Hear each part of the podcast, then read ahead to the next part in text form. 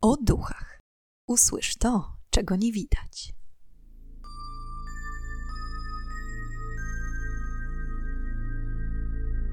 Witam i pytam, czego dusza pragnie.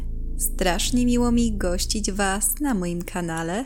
W dzisiejszym odcinku przybliżę Wam postrzeganie duchów, a konkretnie głodnych duchów w religii buddyjskiej. Jest to drugi odcinek z serii rodzajów duchów, o którym mówiłam tak ogólnie dwa tygodnie temu. Czym są głodne duchy i dlaczego są wiecznie nienasycone? Czy mogą zjeść żywego człowieka? W odcinku będę przeplatać postrzeganie głodnych duchów w różnych odmianach buddyzmu. Na wstępie tradycyjnie zachęcam Was do zasubskrybowania kanału i kliknięcia w dzwoneczek, aby nie przegapić nowych odcinków. Nie przedłużając, zapraszam do wysłuchania dzisiejszej historii. Buddyzm to jedna z największych religii świata, obejmująca swoim zasięgiem większość krajów azjatyckich. Jak w każdym wyznaniu, w buddyzmie obecny jest temat duchów. Ogólnie rzecz biorąc, buddyści wierzą, że każdy człowiek po śmierci staje się duchem. Jednak ich trwanie w tym stanie nie jest wieczne. Po śmierci zmarli wstępują w stan zwany bardo. Po pewnym czasie, powoli słabnąc, duchy, można rzec, ponownie umierają, aby odrodzić się w nowym wcieleniu. Do czasu odrodzenia przebywają w tej samej przestrzeni co żywi ludzie, jednak nie są dla nich widoczne. Bardzo nieliczne przypadki mnichów posiadających nadprzyrodzone zdolności pozwalają ujrzeć ducha. Jedną z najgorszych istot, jaką mogą stać się buddyści po śmierci, jest preta, co w tłumaczeniu z chińskiego dosłownie oznacza zmarły lub ten, który odszedł. Potoczna nazwa tej istoty to głodny duch. Określenie głodny duch funkcjonuje w wielu odmianach buddyzmu. Na szczęście nie tak łatwo jest stać się głodnym duchem. Przeważnie osoby, które za życia popełniły ciężką zbrodnię, taką jak morderstwo, mogą później odrodzić się jako preta. Ale również złe uczynki, takie jak pycha, chciwość i ogólny gniew, bardzo zwiększają tę możliwość. Czasami zdarza się również, że nagła, gwałtowna śmierć niestety może doprowadzić człowieka do przeistoczenia się w głodnego ducha. Ten stan można odwrócić, jeśli tylko rodzina zmarłego będzie czcić pamięć o nim i zadba o odprawienie odpowiednich obrzędów i rytuałów, aby umożliwić duchowi reinkarnację. Po około roku przebywania w stanie bardo, duchy zmarłych odradzają się na nowo. Od owadów przez ludzi na złych duchach kończąc. Jeśli uczynki głodnego ducha były bardzo złe, a rodzina zaniedbała rytuały, zostanie on skazany na wieczną tułaczkę w tej nowej formie. Zgodnie z wiarą buddyjską, zmarli po okresie bardo odrodzą się w jednym z sześciu światów wchodzących w skład samsary. Trzy z nich są uważane za gorsze, a pozostałe trzy za te lepsze. W pierwszym, najgorszym ze światów, człowiek odradza się jako istota skazana na trwanie w czeluściach piekielnych. Kolejny świat skazuje zmarłego na odrodzenie się jako zwierzę, jakiekolwiek. Natomiast trzeci ze złych światów sprawia, że człowiek po śmierci odradza się właśnie jako głodny duch. pozostałe trzy światy obejmują bogów, ludzi i bogów wojny. Czym tak naprawdę są głodne duchy? To istoty najczęściej zamieszkujące pustkowia. Ich postrzeganie świata jest inne niż osób żyjących. Podczas gdy ludzie widzą zielony las, głodne duchy widzą zwiędłe gałęzie. Zamiast rwącej rzeki mają przed oczami strumień obrzydliwych substancji. Według buddyzmu japońskiego głodne duchy można podzielić na trzy grupy, z czego każda grupa dzieli je na trzy rodzaje. Pierwsze, duchy bez bogactwa, dzieli się na duchy z płonącymi ustami, duchy z ustami z igieł i ze zgniłymi ustami. Te z płonącymi ustami charakteryzują się tym, że z ich ust wydobywają się płomienie ognia, a ciała mają twarde i suche jak kora drzewa. Uważa się, że są to duchy zmarłych, chciwych i gniewnych ludzi. Duchy z ustami z igieł posiadają usta wielkości dziurki od igły właśnie, a żołądki tak ogromne, że mogłyby zmieścić całe miasteczka. W sztuce często przedstawiane są jako szkaradne stwory z małymi ustami, wąskimi szyjami i wydętym, ale wiecznie pustym brzuchem. Przez swoją budowę nieustannie są przeraźliwie głodne i spragnione. Za złe uczynki popełnione za życia są skazane na wieczny głód i cierpienie. Duchy ze zgniłymi ustami mają brzuchy napełnione fekaliami i wydzielają okropny smród. Aby czuły się jeszcze bardziej upokorzone, najczęściej ich pragnienie skupia się na obrzydliwych i niejadalnych przez żywych ludzi pokarmach, na przykład zwierzęce odchody czy krew. Drugą grupą są duchy małego bogactwa. Zalicza się do nich duchy z włosami igłowymi, włosami zgniłymi i duchy z obrzękami. Włosy igłowe oznaczają, że ciała duchów pokrywają włosy sztywne jak strzały. Ich wnętrzności palą, jakby były zatrute lub owrzodzone. Duchy o zgniłych włosach pachną bardzo nieprzyjemnie. Wydzielają szkodliwe opary i też są całe pokryte włosami. Ich włosy jednak są słabe i gdy któryś wypadnie, skóra w tym miejscu pęka, co powoduje ogromny ból. Duchy z obrzękami to duchy posiadające prawidłowych rozmiarów usta i żołądek, ale jednocześnie mające wbite w gardło kołek, uniemożliwiający przełykanie. Gdy któremuś z duchów uda się jakimś cudem zjeść cokolwiek, pożywienie natychmiast zamienia się w roztopiony ołów bądź tasaki, powodując tym samym ogromny ból. Jednak pożywienie nie jest ich jedynym zmartwieniem. Duchy te często cierpią również z powodu wahań odczuwania temperatury.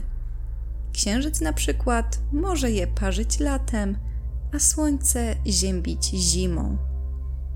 Do tego ich ciała są pokryte odpychającą ropą. Trzecia grupa głodnych duchów obejmuje duchy bogactwa. Znajdują się w niej duchy ofiary, straty i wielkiej mocy. Te pierwsze, duchy ofiary, nie mają tak karykaturalnego wyglądu. Duchy ofiary wyglądają niemal identycznie jak zwykły śmiertelnik. To, co je odróżnia od żywych, to intencje oraz uzębienie, niewidoczne na pierwszy rzut oka. Duchy ofiary mają złe zamiary, ponieważ ich głównym celem jest żywienie się ludzkimi zwłokami.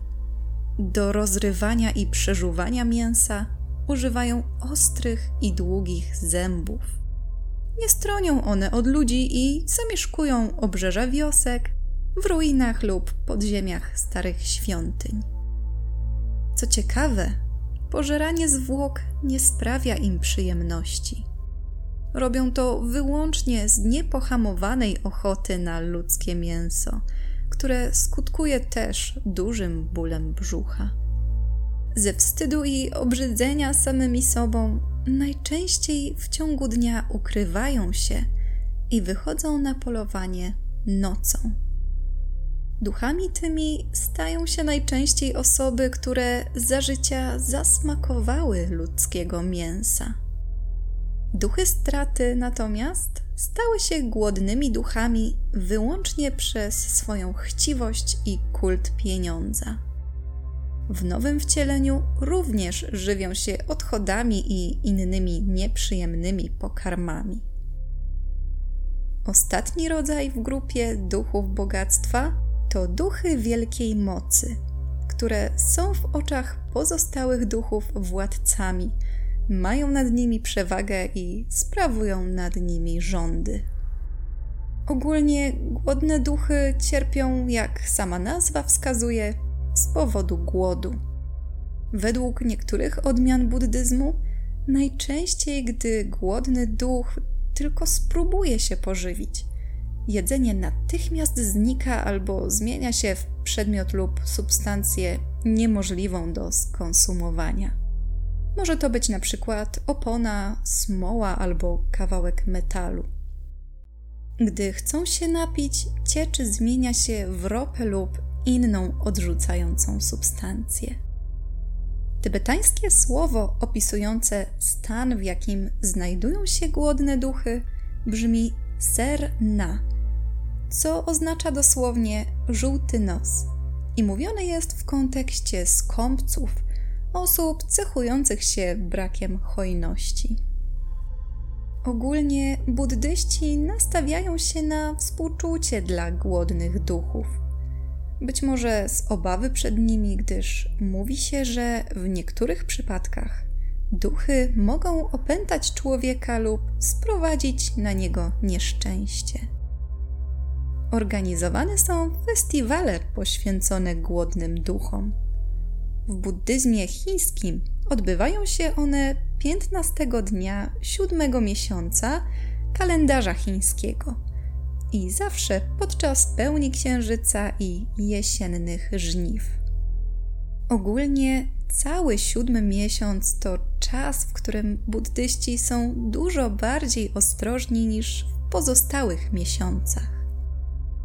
Zabraniają wychodzić dzieciom po zmroku z obawy, że głodne duchy mogą je opętać. W tym miesiącu również nie zaleca się pływać z powodu przekonania o obecności duchów topiących ludzi.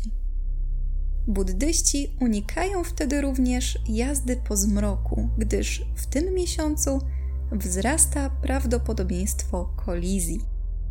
Poza tym, o ile w ciągu roku na duchy mówi się po prostu duchy, o tyle w siódmym miesiącu buddyści wolą używać sformułowania dobry brat, aby nie skazywać się na gniew umarłych. Festiwal Głodnych Duchów rozpoczyna się bardziej oficjalną częścią, podczas której kapłan, stojąc przy ołtarzu, dotyka pierwszych darów składających się zawsze z ryżu i brzoskwini. Dotyka je trójkątnym papierowym sztandarem w trzech kolorach. Muzyka rozbrzmiewa, kapłan uderza w dzwon, tym samym przywołując na festiwal głodne duchy i wyrzuca we wszystkie strony ryż i brzoskwinie.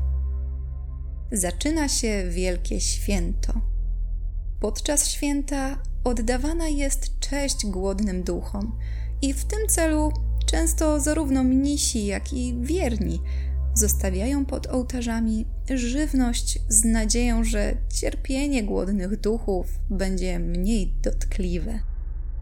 Ofiary te są dedykowane również duchom obcych, aby rodziny zmarłych w ten sposób zapewniły sobie spokój i odpędziły pecha, jaki duchy mogą przynieść. Mówi się, że nie wolno podbierać jedzenia zostawionego w ofierze duchom, gdyż może to przynieść nieszczęście w postaci tajemniczej choroby. W czasie festiwalu duchów bramy piekielne otwierają się, dzięki czemu istoty te mogą wędrować spokojnie po świecie żywych, poszukując pożywienia i odpoczynku. Tradycja mówi również, że rodziny zmarłych, którzy mogli stać się głodnymi duchami, powinny w czasie festiwalu spalić tak zwane piekielne pieniądze, które uważane są za drogocenną walutę w świecie umarłych. Dzięki temu duchom powinno żyć się lepiej. Oprócz pieniędzy, świętujący na festiwalu palą inne przedmioty zrobione z papieru. Domki, samochody, ale nierzadko nawet prawdziwe markowe ubrania. Cała uroczystość jest obchodzona bardzo hucznie. Wokół ołtarza ustawia się rzędy krzeseł, z których pierwszy rząd zawsze zostaje pusty, jako zarezerwowany dla gości z zaświatów. Ołtarz znajduje się na każdej ulicy w miasteczku i wypełniają go owoce i ofiary ze zwierząt. Przez całą noc wierni organizują pokazy, tańczą i śpiewają ubrani w kolorowe szaty, a w trakcie podpalają ołtarze z ofiarami. Mnisi śpiewają pieśni dedykowane duchom, a cała otoczka ma charakter radosny i głośny, aby w ten sposób zachęcić duchy do odwiedzin festiwalu. Pod domami mieszkańców zapala się kadzidła, a sklepy w tym czasie są zamknięte. Świętowanie trwa do rana. Gdy ołtarze już całkowicie spłoną, należy unikać nadepnięcia na spalone miejsca oraz dookoła nich, gdyż uważa się, że są nasiąknięte duchową mocą i mogą stanowić bramy do zaświatów. Kontakt ze spalenizną może więc zakończyć się opętaniem.